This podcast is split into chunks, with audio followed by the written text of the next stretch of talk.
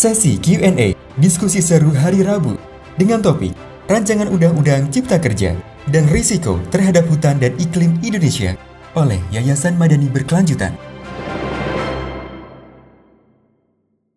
Baik, uh, uh, kita lanjutkan ke saya serah, langsung uh, serahkan kepada para uh, panelis untuk uh, memberikan uh, jawaban uh, terkait dengan pertanyaan-pertanyaan uh, yang tadi uh, saya sudah bacakan. Mungkin juga kalau kurang jelas ada juga di forum pertanyaan.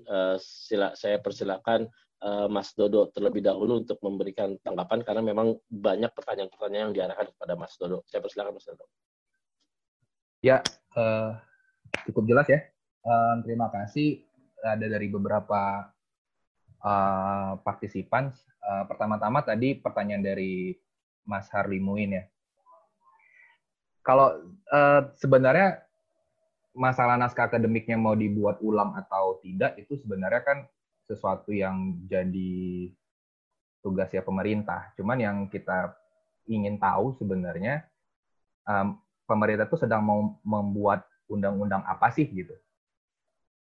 Jadi pemerintah itu memang punya niatan untuk mempercepat atau mereformasi perizinan. Ingat kalau saya sebenarnya tidak menolak perizinan kita direformasi.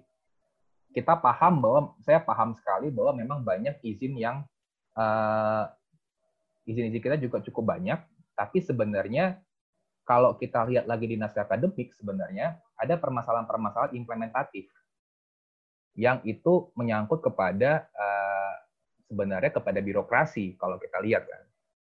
Nah, tapi yang kedua ini nggak pernah atau bukan nggak pernah ya, tapi tidak terlalu banyak disinggung sebenarnya bagaimana penye, penyelesaiannya. Penyelesaiannya adalah penyelesaian terhadap izin yang banyak itu, kemudian izin yang banyak itu mau diselesaikan dalam sebuah undang-undang yang memang menggabungkan 70-an sampai 80 undang-undang yang memang ada izinnya. Kemudian yang tadi saya sudah sampaikan sebelumnya akan ada resiko-resiko yang akan menghambat karena memang pada prinsip-prinsipnya beda-beda itu undang-undang itu. Nah, justru saya belum mungkin saya butuh masukan atau referensi di mana sih kita pernah menemukan ada omnibus law yang segemuk ini gitu.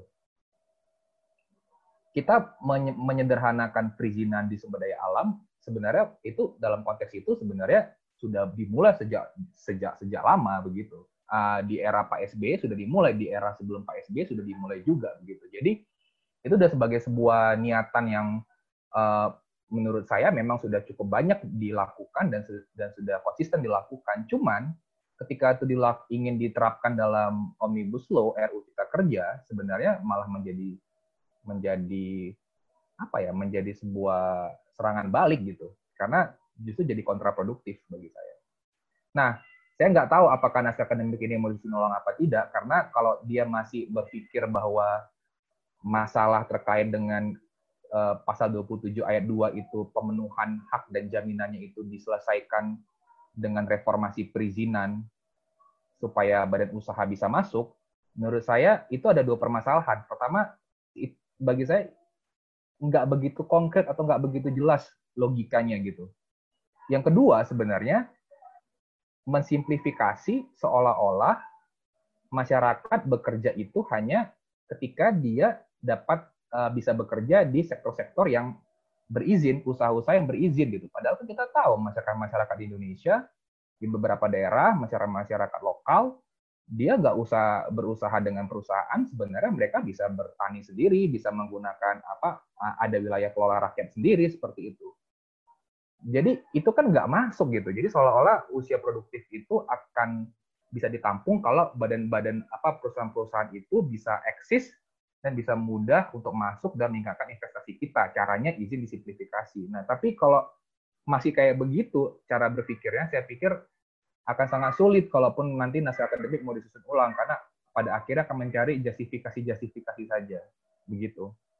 Bagi saya sih sebenarnya seperti itu. Tapi kita sepakat naskah akademik ini tadi disebutkan oleh Mas Harli akuntabilitasnya rendah iya dan yang paling bagi saya paling bermasalah adalah untuk untuk undang-undang atau RUU yang baru pertama kali kita temukan ya sekompleks ini dengan referensi yang sangat miskin uh, saya kira sangat mengecewakan sekali gitu. Itu yang pertama. Yang kedua, um, kenapa saya mengatakan bahwa OSS itu tidak jalan? Sebenarnya saya sedang menunggu um, karena OSS ini kan sebenarnya ditujukan untuk mereformasi perizinan-perizinan yang sering dilakukan secara uh, atau begini, ada praktik-praktik dalam perizinan yang yang selama ini penuh dengan uh, suap atau mungkin uh, tidak transparan segala macam. Saya sepakat itu memang harus diatasin gitu. Cuman yang menjadi persoalan adalah sampai sekarang kalau OSS itu dianggap memang bisa menghasilkan investasi karena tadi tujuannya adalah untuk mempercepat investasi, kita tuh belum pernah punya saya ya, tapi kalau ada silakan diberikan kepada saya gitu. Mungkin itu akan memberikan referensi baru bagi saya. Data yang menunjukkan bahwa memang ada signifikansi dari OSS terhadap terhadap uh, pertumbuhan investasi. Seberapa seberapa akhirnya nominal uh, investasi yang bisa masuk gitu. Justru kan yang kalau kita lihat dalam naskah akademik, si penyusun naskah akademik itu mengatakan bahwa OSS ini agak terhambat gitu karena levelnya cuma PP. Padahal tadi saya sudah sampaikan OSS ini sangat powerful. Tadi Mas Ari juga sepakat kalau dia bertentangan dengan sistem hukum kita. Dan dia sangat powerful karena menabrak undang-undang yang ada di atasnya. Dan uh, dalam konteks uh, apa namanya implementasinya, saya juga tahu sudah banyak yang mendapatkan OSS dengan cepat. Uh, tapi dalam dalam konteks implementasinya, itu kan dia juga memberikan apa ya pengawasan yang sangat ketat atau ancaman ancaman sanksi atau disinsentif yang sangat kuat kepada pemerintah-pemerintah daerah. Kenapa? Jadi kok saya malah membayangkan ini OSS sebenarnya ini belum selesai dijalankan. Kita belum tahu ini seberapa baik, katakanlah baik atau buruk, seberapa efektif, seberapa banyak investasi bisa masuk, dan dia sebenarnya sudah menerabas banyak undang-undang dan itu sudah diserahkan kepada BKPM dan itu jadi proyek utama pemerintah dan semua kementerian sekarang sudah menjalankan OSS gitu ya. Terus tiba-tiba muncul RUU Cipta Kerja. Nah, tadi saya contohkan beberapa. Ketika nanti RUU Cipta Kerja ini dianggap dijalankan, beberapa peraturan pelaksanaan OSS itu diubah juga. Tadi saya contohkan sederhananya PP terkait apa peraturan pelaksanaan terkait dengan uh, perizinan, izin lingkungan. Karena izin lingkungan dari Cipta Kerja dihapus, maka peraturan-peraturan terkait dengan izin lingkungan dan izin-izin lainnya turunan dari PPOS akan dihapus juga, akan digantikan juga lah kan jadi malah lebih ribet gitu loh. Nggak nggak selesai dengan satu barang, belum silakan dibuktikan tapi bagi saya belum belum belum ada buktinya tiba-tiba dimunculkan RUU Cipta Kerja yang baru. Itu sebenarnya alasan saya. Tapi saya setuju bahwa sebenarnya sudah banyak orang yang mengakses OSS dan itu sudah mendapatkan izin dengan cepat dan saya sepakat bahwa kalau untuk konteks elektroniknya, maka dia akan bisa menghilangkan praktik-praktik suap, itu saya sepakat. Tapi memang dalam konteks norma-norma yang melanggar undang-undang dan berlaku lama mengabaikan AMDAL dan implementasi tingkat lainnya, saya uh, kurang sepakat di sananya. Yang berikutnya adalah pertanyaan terkait dengan kearifan lokal ya. Nah, yang terkait dengan kearifan lokal ini uh, begini, kalau saya sih sebenarnya melihat uraiannya seperti ini gini. Jadi uh, ada satu kasus eh, terakhir itu di kalau nggak salah di daerah Riau, saya lupa eh, kalau nggak salah siap. Itu petaninya ada seorang bapak-bapak cukup tua, ini yang ini yang mengawal LBH Pekanbaru, jadi bisa langsung diakses ke LBH Pekanbaru. Dia melakukan pembakaran. Sebenarnya pembakaran ya karena dia melakukan sebagai uh, kearifan lokal saja, sebagai kebiasaan dia saja gitu dan tidak begitu luas sebenarnya. Sudah tua renta, sakit-sakitan ditangkap. Cuman akhirnya pasal ini itu berhasil uh, dia tidak dia tidak dipidana karena dianggap dia dilindungi oleh pasal 69 ayat 2 sedang menjalankan kearifan lokalnya. Itu fungsinya pasal 69 ayat 2 itu, Undang-Undang Lingkungan. Tapi ada satu kasus lagi di Sumatera juga, mungkin kalau nggak salah di Riau. Namanya ketika pemerintah, Menteri Lingkungan Hidup dan Kehutanan menggugat PT Jatim Jaya Perkasa, PT JJP. PT JJP dalam uh, tingkat pertama di pengadilan negeri, dia jelas mengatakan bahwa kebakaran itu munculnya dari lahan masyarakat. Jadi bukan bukan JJP yang bersalah, tapi muncul dari lahan masyarakat. Tapi itu yang yang tidak terbukti sama sekali di pengadilan dan sampai dia inkrah dalam konteks perdata itu sama sekali nggak tidak terbukti. Bahkan diakuin bahwa sebenarnya masyarakat sedang menjalankan kearifan lokalnya gitu.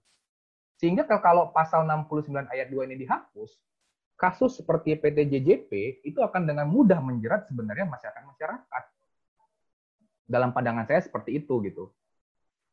Eh, kenapa kita butuh melindungi Eh, kenapa pasal 69 ayat 2 butuh tetap ada? Karena memang kita butuh melindungi kearifan lokal itu gitu kan. Kita nggak mungkin bilang bahwa peladangan berpindah itu sama sekali dilarang gitu. Oh dalam beberapa daerah seperti Kalimantan Tengah gitu atau beberapa daerah itu juga sudah diatur kok sebenarnya oleh pemerintah daerahnya gitu. Jadi pasal 69 ayat 2 ini tetap harus um, ketika dia dalam RUU Cipta Kerja dihilangkan maka bagi saya itu sudah ada sebuah bentuk apa ya bentuk penyederhanaan masalah seolah-olah kita pengen sebuah hukum yang adil sehingga kita tidak lagi mempertimbangkan faktor-faktor lainnya termasuk kearifan lokal. Yang terakhir mengenai bank tanah, eh, sebenarnya dalam akademik itu ada, dalam RU ada, tapi saya belum mendalamin itu. Mungkin nanti kalau pembicara yang lain eh, bisa sampaikan. Tapi dia ada, saya sudah cek eh, pengaturan tentang bank tanah dalam naskah akademik dan dalam RU itu ada sebagai norma baru, gitu. Tapi seperti apa konsekuensinya Nanti mungkin pembicara lain yang bisa menyampaikan, saya kurang begitu memahami ini. Terima kasih.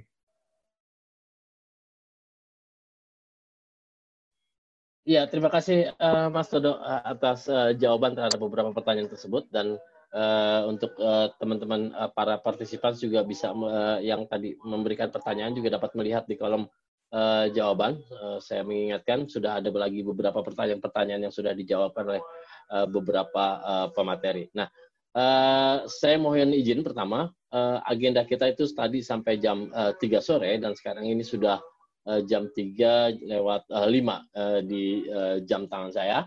Uh, saya mengajukan uh, uh, apa uh, tawaran kepada rekan-rekan dan sekaligus kepada pemateri kita untuk menambah sekitar uh, saya pikir 10 menit atau uh, sampai 15 menit kita uh, melanjutkan uh, proses diskusi ini uh, hingga uh, selesai karena masih ada beberapa panelis yang belum memberikan jawaban dan akan ada warm up nanti di akhir uh, tanya jawab. Jika memang disepakati, saya harap kita bisa lanjut ke jawaban dari Pak Toto terkait beberapa pertanyaan dan karena memang ini sudah uh, di terakhir, sekaligus menyampaikan, saya pikir uh, langsung menyampaikan uh, tanggapan ataupun pandangan penutupnya, uh, pesan-pesan penutupnya terkait dengan pembahasan omnibus law ini, khususnya dari sektor isu lingkungan hidup. Saya persilakan Pak Toto. Baik, terima kasih. Saya mungkin hanya akan menjawab beberapa pertanyaan ya, karena memang terkait dengan waktu dan selain itu saya juga sudah mencoba menjawab melalui melalui fitur question and answer, saya juga sudah ketik di situ. Nah, saya pertama akan menambahkan apa yang terakhir tadi disampaikan oleh Mas Rinaldi berkaitan dengan urgensi atau relevansi untuk menghilangkan perlindungan kearifan lokal dalam konteks uh, membuka lahan dengan cara membakar begitu ya di dalam Undang-Undang 32 tahun 2009. Saya rasa kalau itu dihilangkan maka benar tadi seperti yang disampaikan oleh Mas Rinaldo bahwa uh, potensi untuk kemudian mengkriminalisasi atau ancaman untuk mengkriminalisasi masyarakat atau petani itu juga akan tinggi juga kalau itu dihilangkan. Misalnya terjadi pada kasus Riau tadi ya, Pak Safrudin itu kalau tidak salah saya, karena saya kemarin diminta untuk ikut menjadi bagian dalam merumuskan apa uh, amicus curiae dalam kasus Pak Safrudin itu. Bagaimana tidak ketika uh, ada masyarakat itu petani dan dia mencoba membuka lahan dengan cara membakar itu pun lahan di di lahan dia lahan ini ya lahan hak milik ya. Bukan kawasan hutan lagi. Lahan milik dibuka dan dia juga sudah membuat sekat bakar gitu. Luasnya 20 kali 20 meter persegi. Jadi ketemunya sekitar 40 400 meter persegi. Itu pun masih dikriminalisasi gitu. Nah, kalau tidak ada ketentuan pasal 69 undang-undang 32 tahun 2009 yang memberikan toleransi sampai 2 hektar maka habis itu Nah kebetulan karena ada pasal itu sehingga akhirnya kemudian bisa dibela, diadvokasi dan kemudian dibuktikan bahwa mereka atau yang bersangkutan itu sudah mengupayakan sedemikian rupa melalui cara-cara yang sifatnya uh, kearifan lokal ya tradisional tadi membuat sekat bakar itu itu akhirnya kemudian bisa dibuktikan tidak bersalah meskipun kemudian juga sudah ditahan lebih dari tiga atau empat bulan itu dalam kasus di Rio tadi. Yang kedua saya juga ingin menanggapi terkait dengan soal uh, apa, kemungkinan PS terancam dengan RUU Omnibus Law. Ya, saya melihat, saya meyakini dengan dihapusnya pasal 26, 27 sampai 29 Undang-Undang Kehutanan yang di situ sebenarnya di pasal itu kan memberikan pengakuan terkait dengan subjek hak untuk bisa mendapatkan izin atau konsesi begitu ya. Lebih khusus yaitu masyarakat itu apakah perorangan atau kemudian koperasi gitu, kelompok atau kemudian koperasi. Untuk skema-skema uh, apa uh, konsesi perhutanan sosial gitu ya. Meskipun di Undang-Undang 4199 eh, tidak menyebut untuk konsesi perhutanan sosial, tapi subjek tadi disebut dengan jelas bahwa mereka dimungkinkan untuk bisa mendapatkan konsesi atau izin. Nah, dengan dihilangkan itu dan kemudian digeneralisasi apa formulasi yang namanya izin dalam sektor kehutanan disebut sebagai perizinan berusaha di sektor kehutanan atau di bidang kehutanan, maka peluang keberadaan subjek untuk bisa mendapatkan izin atau konsesi tadi oleh masyarakat atau koperasi itu menjadi tidak ada. Kecuali kemudian sebatas disebutkan di dalam RUU tadi, mereka akan digandeng melalui skema kemitraan. Nah kalau sekedar skema kemitraan ya ya ini semakin melemahkan kembali kan. Meskipun skema kemitraan juga merupakan bagian dari varian dari skema perhutanan sosial. Tapi dengan hilangnya eh, kemungkinan subjek perorangan atau masyarakat atau kemudian koperasi untuk bisa mendapatkan konsesi atau izin itu maka peluang perhutanan sosial juga akan terancam saya rasa hutan kemasyarakatan, izin hutan kemasyarakatan, hutan desa, uh, hutan apa uh, uh, tanaman rakyat itu kemungkinan akan akan terancam. Gitu. Nah yang ketiga saya akan merespon terkait dengan uh, pertanyaan dari siapa dari Pak Tata Wijayanta gitu ya, terkait dengan bagaimana mekanisme atau kelembagaan di dalam Perpres penyelesaian sengketa. Nah, RU Cipta Kerja ini hanya menyebut bahwa ketika terjadi overlapping gitu tumpang tindih apa kawasan hutan dengan tata ruang atau kemudian dengan dengan apa tanah hak gitu dengan izin-izin yang lain hanya kemudian akan diselesaikan melalui perpres. Dan ini juga kemudian menjadi semacam cek kosong. Kita belum tahu nanti kira-kira formulasi perpres seperti apa. Tapi kalau kemudian merujuk kepada pengalaman di mana kita punya perpres nomor 88 tahun 2017 itu nyatanya tidak cukup efektif menjadi satu instrumen dalam rangka penyelesaian sengketa atau konflik kawasan hutan gitu ya. Misalnya di dalam substansi di dalam Perpres 88 itu sendiri yang dia nuansanya menurut saya sangat masih sangat setengah hati. Misalnya akan apa e, memberikan penyelesaian atau resolusi bagi bagi aktivitas tanah garapan di dalam kawasan hutan itu dengan melepas. Tapi itu dibatasi bahwa pelepasan itu hanya dimungkinkan di hutan produksi. Kemudian aktivitas yang berada di dalam hutan konservasi gitu misalnya taman nasional itu tawarannya tidak ada sama sekali kecuali mereka harus mau direlokasi atau resettlement. Nah, kita bisa membayangkan bagaimana umpamanya masyarakat adat gitu ya, sudah jauh-jauh hari gitu udah bertahun-tahun, berpuluhan tahun atau ratusan tahun bahkan mereka sebenarnya juga sudah menghuni kawasan konservasi yang bersangkutan tetapi kemudian uh, karena ada apa uh, belakangan kemudian ditetapkan sebagai kawasan konservasi dan mereka kemudian harus diselesaikan dengan jalan satu-satunya hanya kemudian mereka di settlement saya rasa ini cukup absurd ya tidak cukup punya kepekaan dalam konteks kemanusiaan. Gitu. Nah, jadi uh, RUU Cipta Kerja ini dalam konteks uh, resolusi konflik itu dalam kawasan hutan ya dia bisa melihatnya relatif meremehkan. Gitu. Nah, hanya kemudian akan diatur melalui Perpres. Nah, kita juga tidak tahu kira-kira nanti Perpres itu sebagai semacam instrumen yang sifatnya uh, sangat uh, sepihak itu seperti apa nanti diformulasikan. Nah, catatan penutup saya terkait dengan RUU Omnibus Law ini, saya rasa RUU ini mengancam gitu, terkait dengan soal masa depan lingkungan, masa depan pengelolaan sumber daya alam, sumber daya hutan. Gitu ya. Sehingga kalau saya secara pribadi maka usulan saya itu hentikan gitu proses apa penyusunan uh, pem, apa uh, eh, RUU Omnibus Law atau Cipta Kerja ini menjadi undang-undang karena lebih banyak mudaratnya daripada kemudian uh, apa manfaat dan fungsinya bagi kesejahteraan rakyat dan lingkungan. Terima kasih saya kembalikan kepada Mas moderator.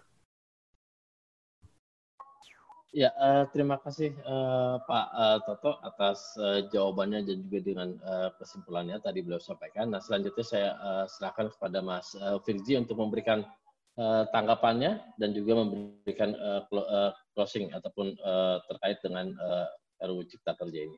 Saya persilakan Mas uh, Firji. Ya, terima kasih Mas Asep atas uh, kesempatannya. Sebenarnya seluruh pertanyaan yang diberikan kepada saya sudah saya jawab di Q&A. Uh, namun hal yang menarik, pertanyaan yang saya menarik kepada saya adalah berkaitan dengan bagaimana solusi kita untuk bisa menyelamatkan hutan alam yang berada di dalam izin sawit. Sebenarnya uh, pemerintah sendiri sudah memiliki kebijakan invest moratorium sawit, tetapi uh, dalam pelaksanaannya kurang lebih satu setengah tahun, kita masih belum melihat progres yang signifikan dari implementasi kebijakan invest moratorium sawit, di mana kita tidak mengetahui atau belum mengetahui data uh, terkait dengan izin-izin uh, sawit yang berada di hutan alam sehingga kita tidak bisa memberikan input kepada pemerintah se, uh, apa namanya uh, seharusnya input uh, apa namanya uh, hutan alam di uh, kawasan A misalnya atau kawasan B seharusnya diambil uh, alih lagi oleh pemerintah. Oleh karenanya bagaimana kita bisa menjamin uh, bahwa hutan alam ini bisa diselamatkan, ya kita harus uh, mempercepat implementasi kebijakan invest moratorium sawit dengan membuka akses data seluas-luasnya kepada publik terkait dengan uh, izin-izin perkebunan sawit yang sudah dievaluasi khususnya beserta juga penegakan hukum yang berhasil dilakukan oleh pemerintah terkait dengan izin-izin uh, sawit mana yang uh, melanggar ketentuan regulasi ataupun kebijakan. Karena keterbatasan waktu, mungkin saya akan langsung ke kesimpulan.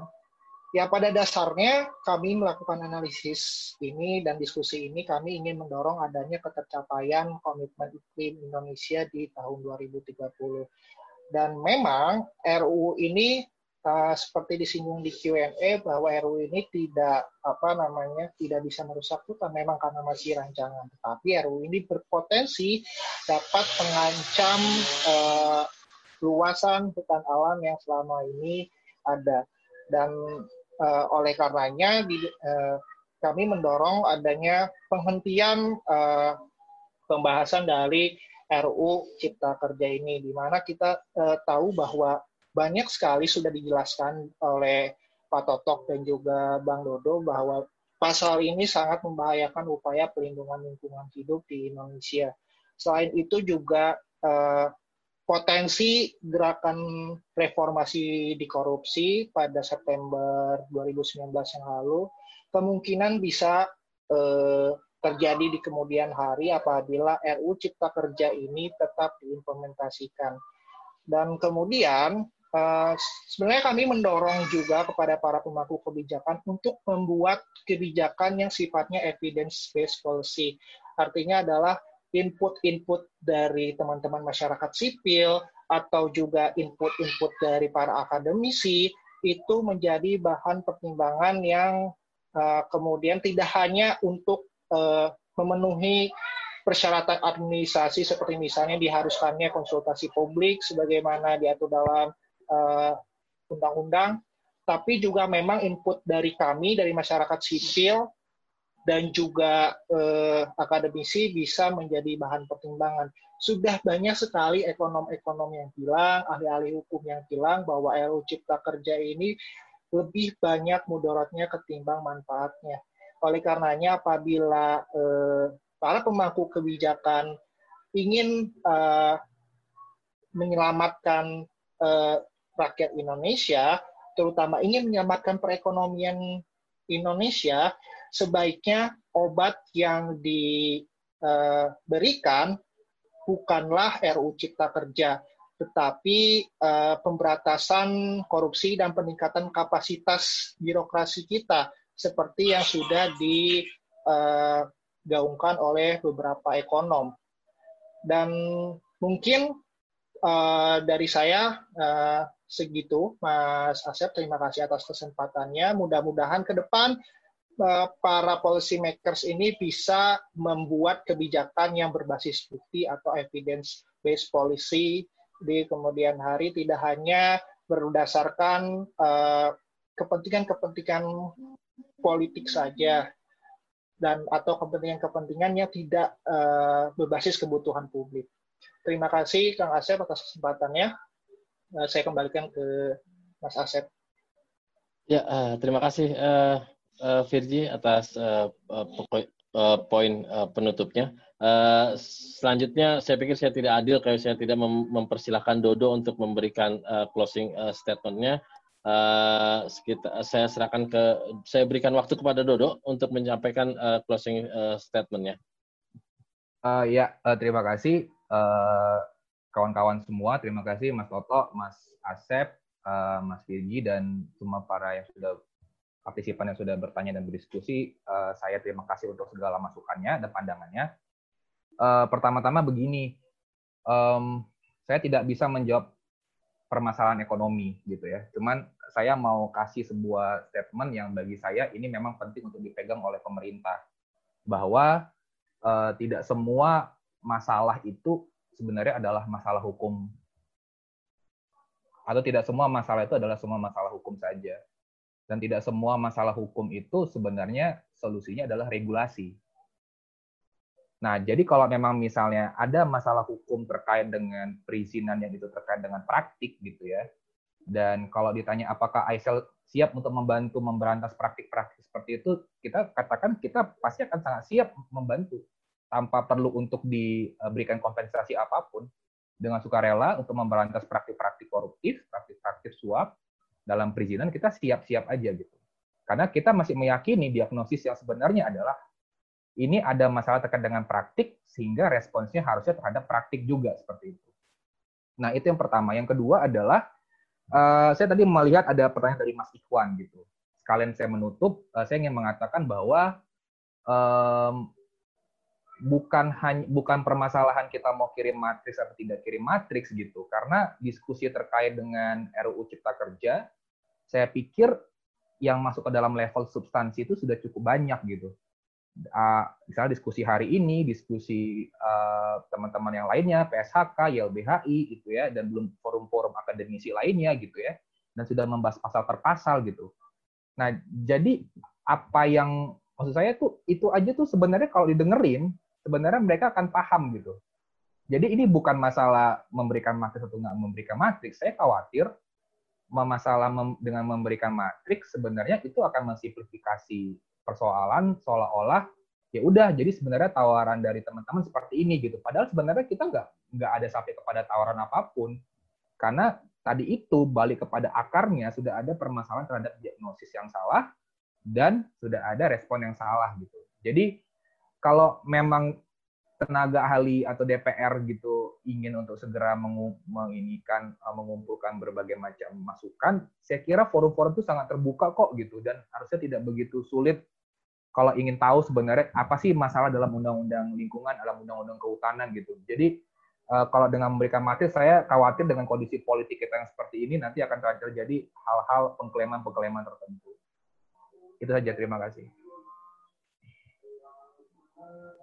Ya, uh, terima kasih uh, Mas Dodo uh, closing statement. Sebelum kita uh, tutup diskusi uh, kita hari ini, saya uh, minta untuk teman-teman masih uh, hadi, uh, masih uh, bersedia uh, kita akan ada sedikit uh, warp up dan uh, pembaca dan ya mungkin pandangan ataupun uh, kesimpulan dari uh, pemrakarsa yakni uh, Yayasan uh, Madani berkelanjutan untuk memberikan menyampaikan warp up dari proses uh, diskusi ini sekaligus memberikan menyampaikan kesimpulan yang didapat dari uh, proses uh, diskusi uh, kita kali ini.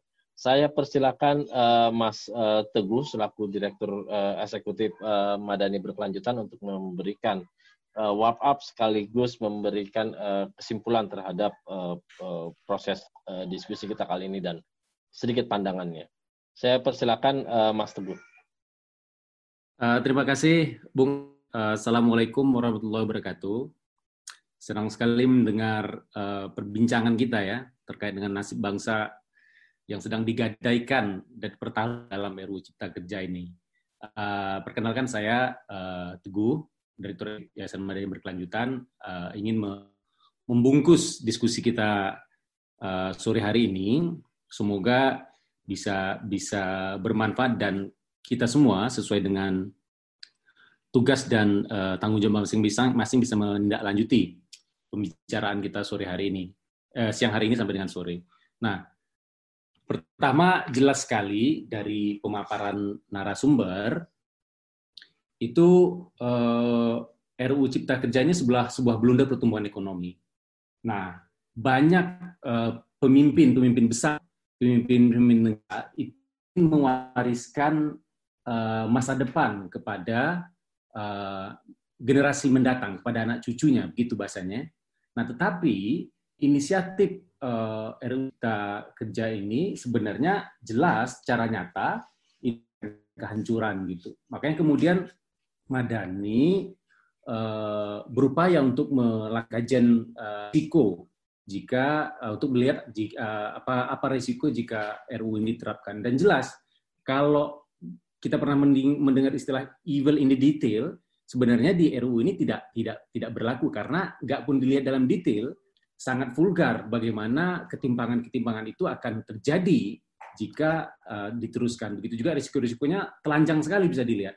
Kami baru membahas konteks uh, tutupan lahan dan iklim. Nah, bayangkan kalau kita kupas berikutnya dalam konteks energi, kemudian uh, kelautan dan seterusnya. Nah, uh, wrap up saya uh, sore hari ini itu uh, ingin me, me, mengaitkan kembali dengan cita-cita uh, Bapak Presiden bahwasannya menjaga pertumbuhan uh, ekonomi itu penting. Nah, untuk itu izinkan kami untuk uh, kembali me, me, menarik benang merah apakah benar ada uh, kontribusi kemudian berinvestasi itu pada pengurangan angka kemiskinan pengangguran serta, laju inflasi. Ini setidaknya hal mudah yang bisa dilihat ya pun harus ekonom, ya, karena saya tidak ekonom, jadi butuh alasan pembenar ya. Data-data ini, analisis ini secara sederhana saja bisa dilihat dan bisa memberikan uh, argumentasi uh, yang dipertimbangkan untuk uh, Bapak Presiden membatalkan pembahasan RUU ini.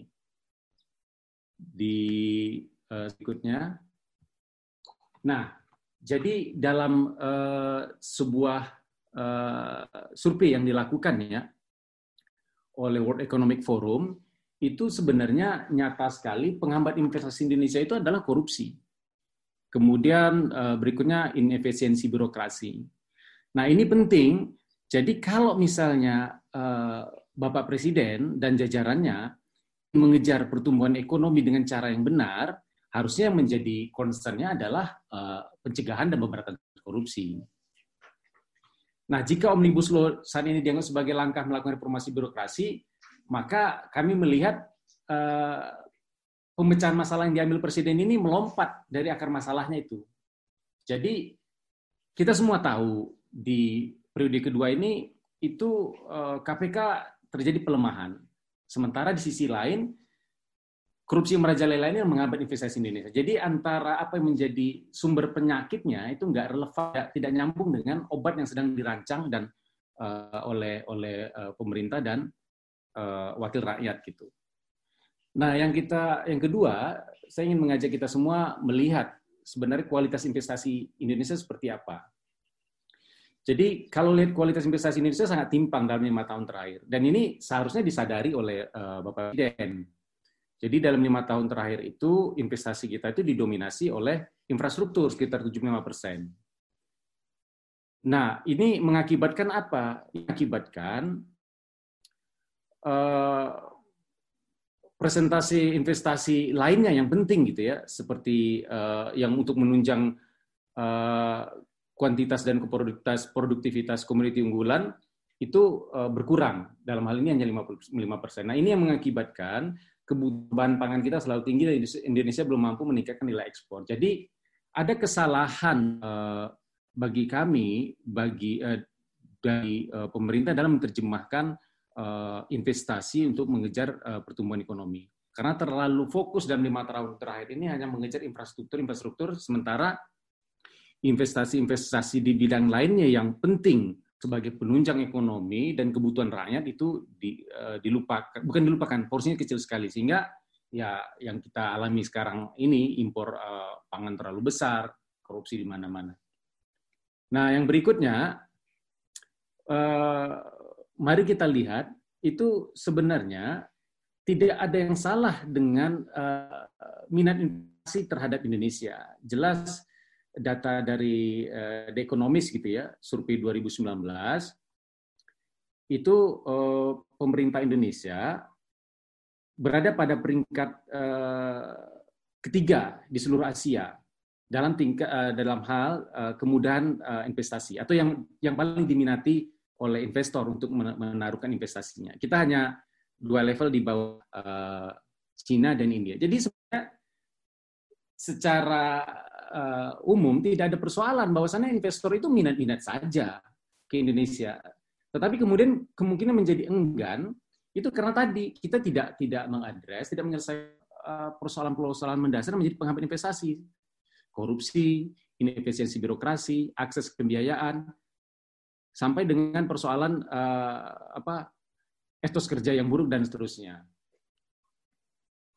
Nah, Kemudian kita lihat apakah kemudahan investasi, angka kemudahan investasi ini itu memiliki uh, hubungan dengan uh, bukan memiliki kaitan yang yang erat dengan uh, penambahan utang luar negeri karena kita tahu utang luar negeri ini kan untuk me, me, menalangi defisit anggaran ya defisit pembiayaan uh, APBN. Nah di sini di jelas di di data ini di grafik ini teman-teman bisa bisa melihat bahwasannya uh, nilai kemudahan investasi itu berbanding lurus dengan utang luar negeri. Jadi sebenarnya ketika investasinya di, dimudahkan, dibuka, itu beban hutang kita juga tinggi gitu.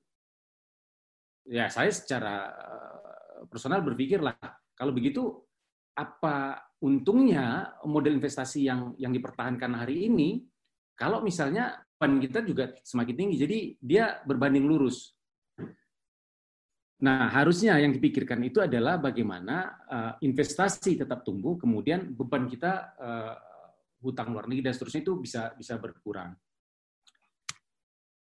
Nah, di di slide selanjutnya kami juga uh, ingin melihat bahwasannya kaitan kemudahan berinvestasi dalam kontribusinya pada pengurangan kemiskinan dan pengangguran serta laju inflasi. Nah, di data BPS kemudian disandingkan dengan RPJMN 2014 2019 jelas dengan dengan sangat terang bisa dilihat ya bahwasannya uh, faktanya kemudahan investasi itu tidak tidak tidak berkontribusi dalam hal uh, mengurangi uh, target uh, pengurangan kemiskinan. Jadi kalau di dalam RPJM tertulis tingkat kemiskinan terus turunkan sampai 78 persen, tapi di 2019 angka kemiskinan masih tinggi 9,3 persen gitu. Begitu juga dengan uh, jumlah pengangguran yang masih cukup tinggi dari dari yang ditargetkan ya 5,0 persen. Nah, yang yang tercapai itu hanya persoalan uh, inflasi.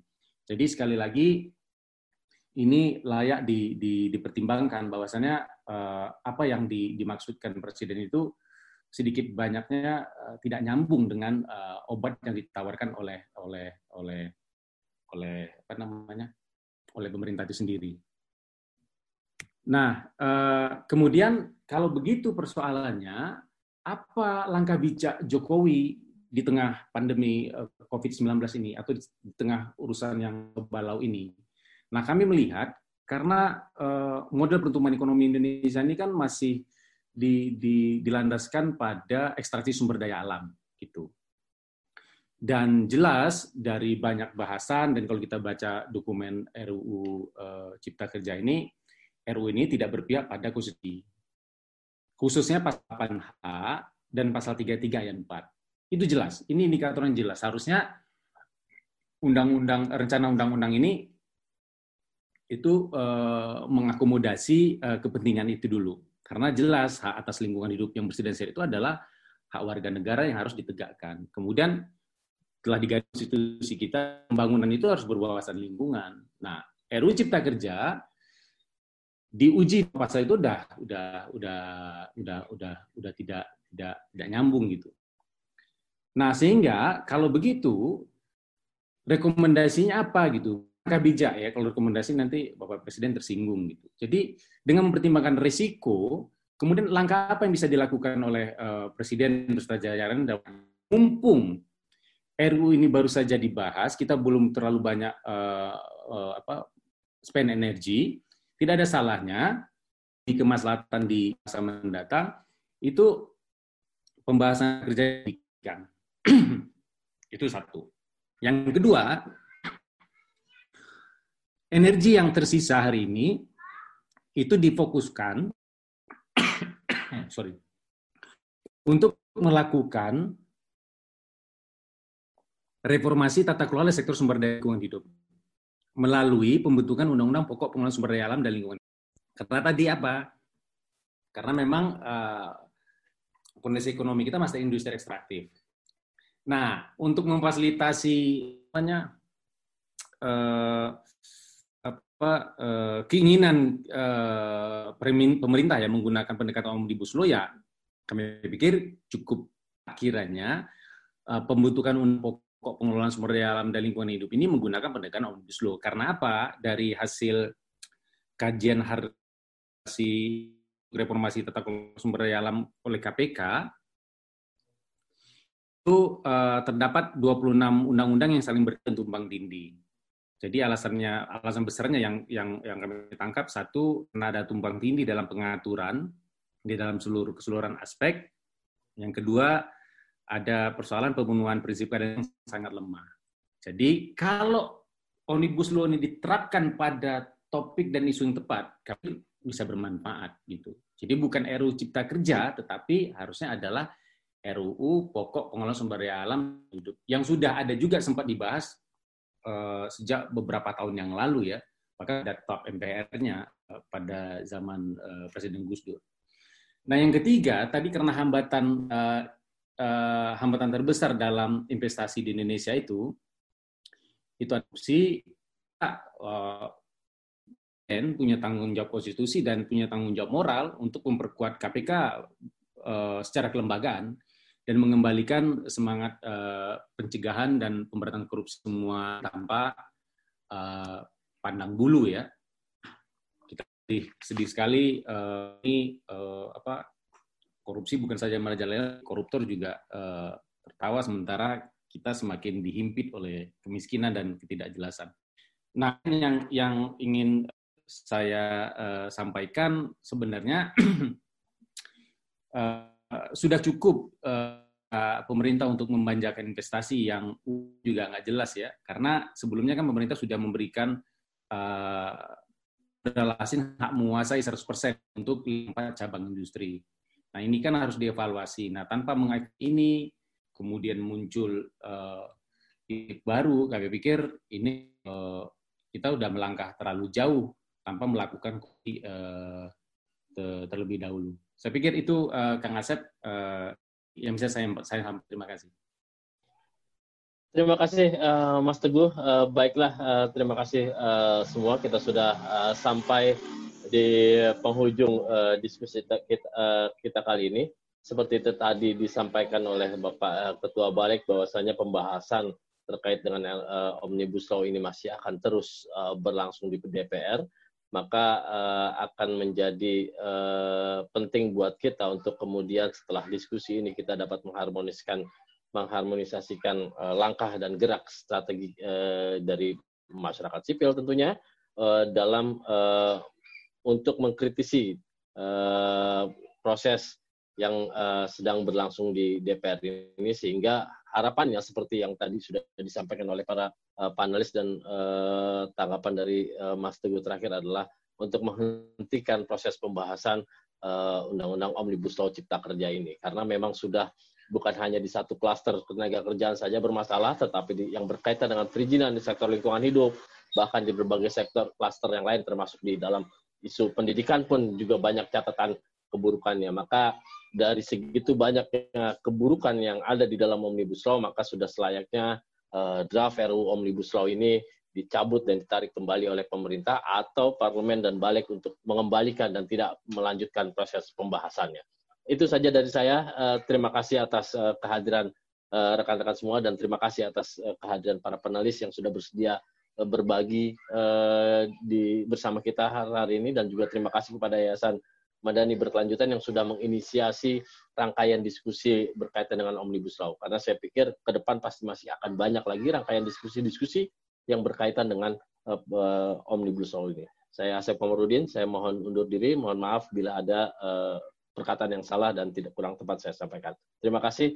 Assalamualaikum warahmatullahi wabarakatuh. Selamat sore untuk kita semua. Waalaikumsalam. Terima kasih.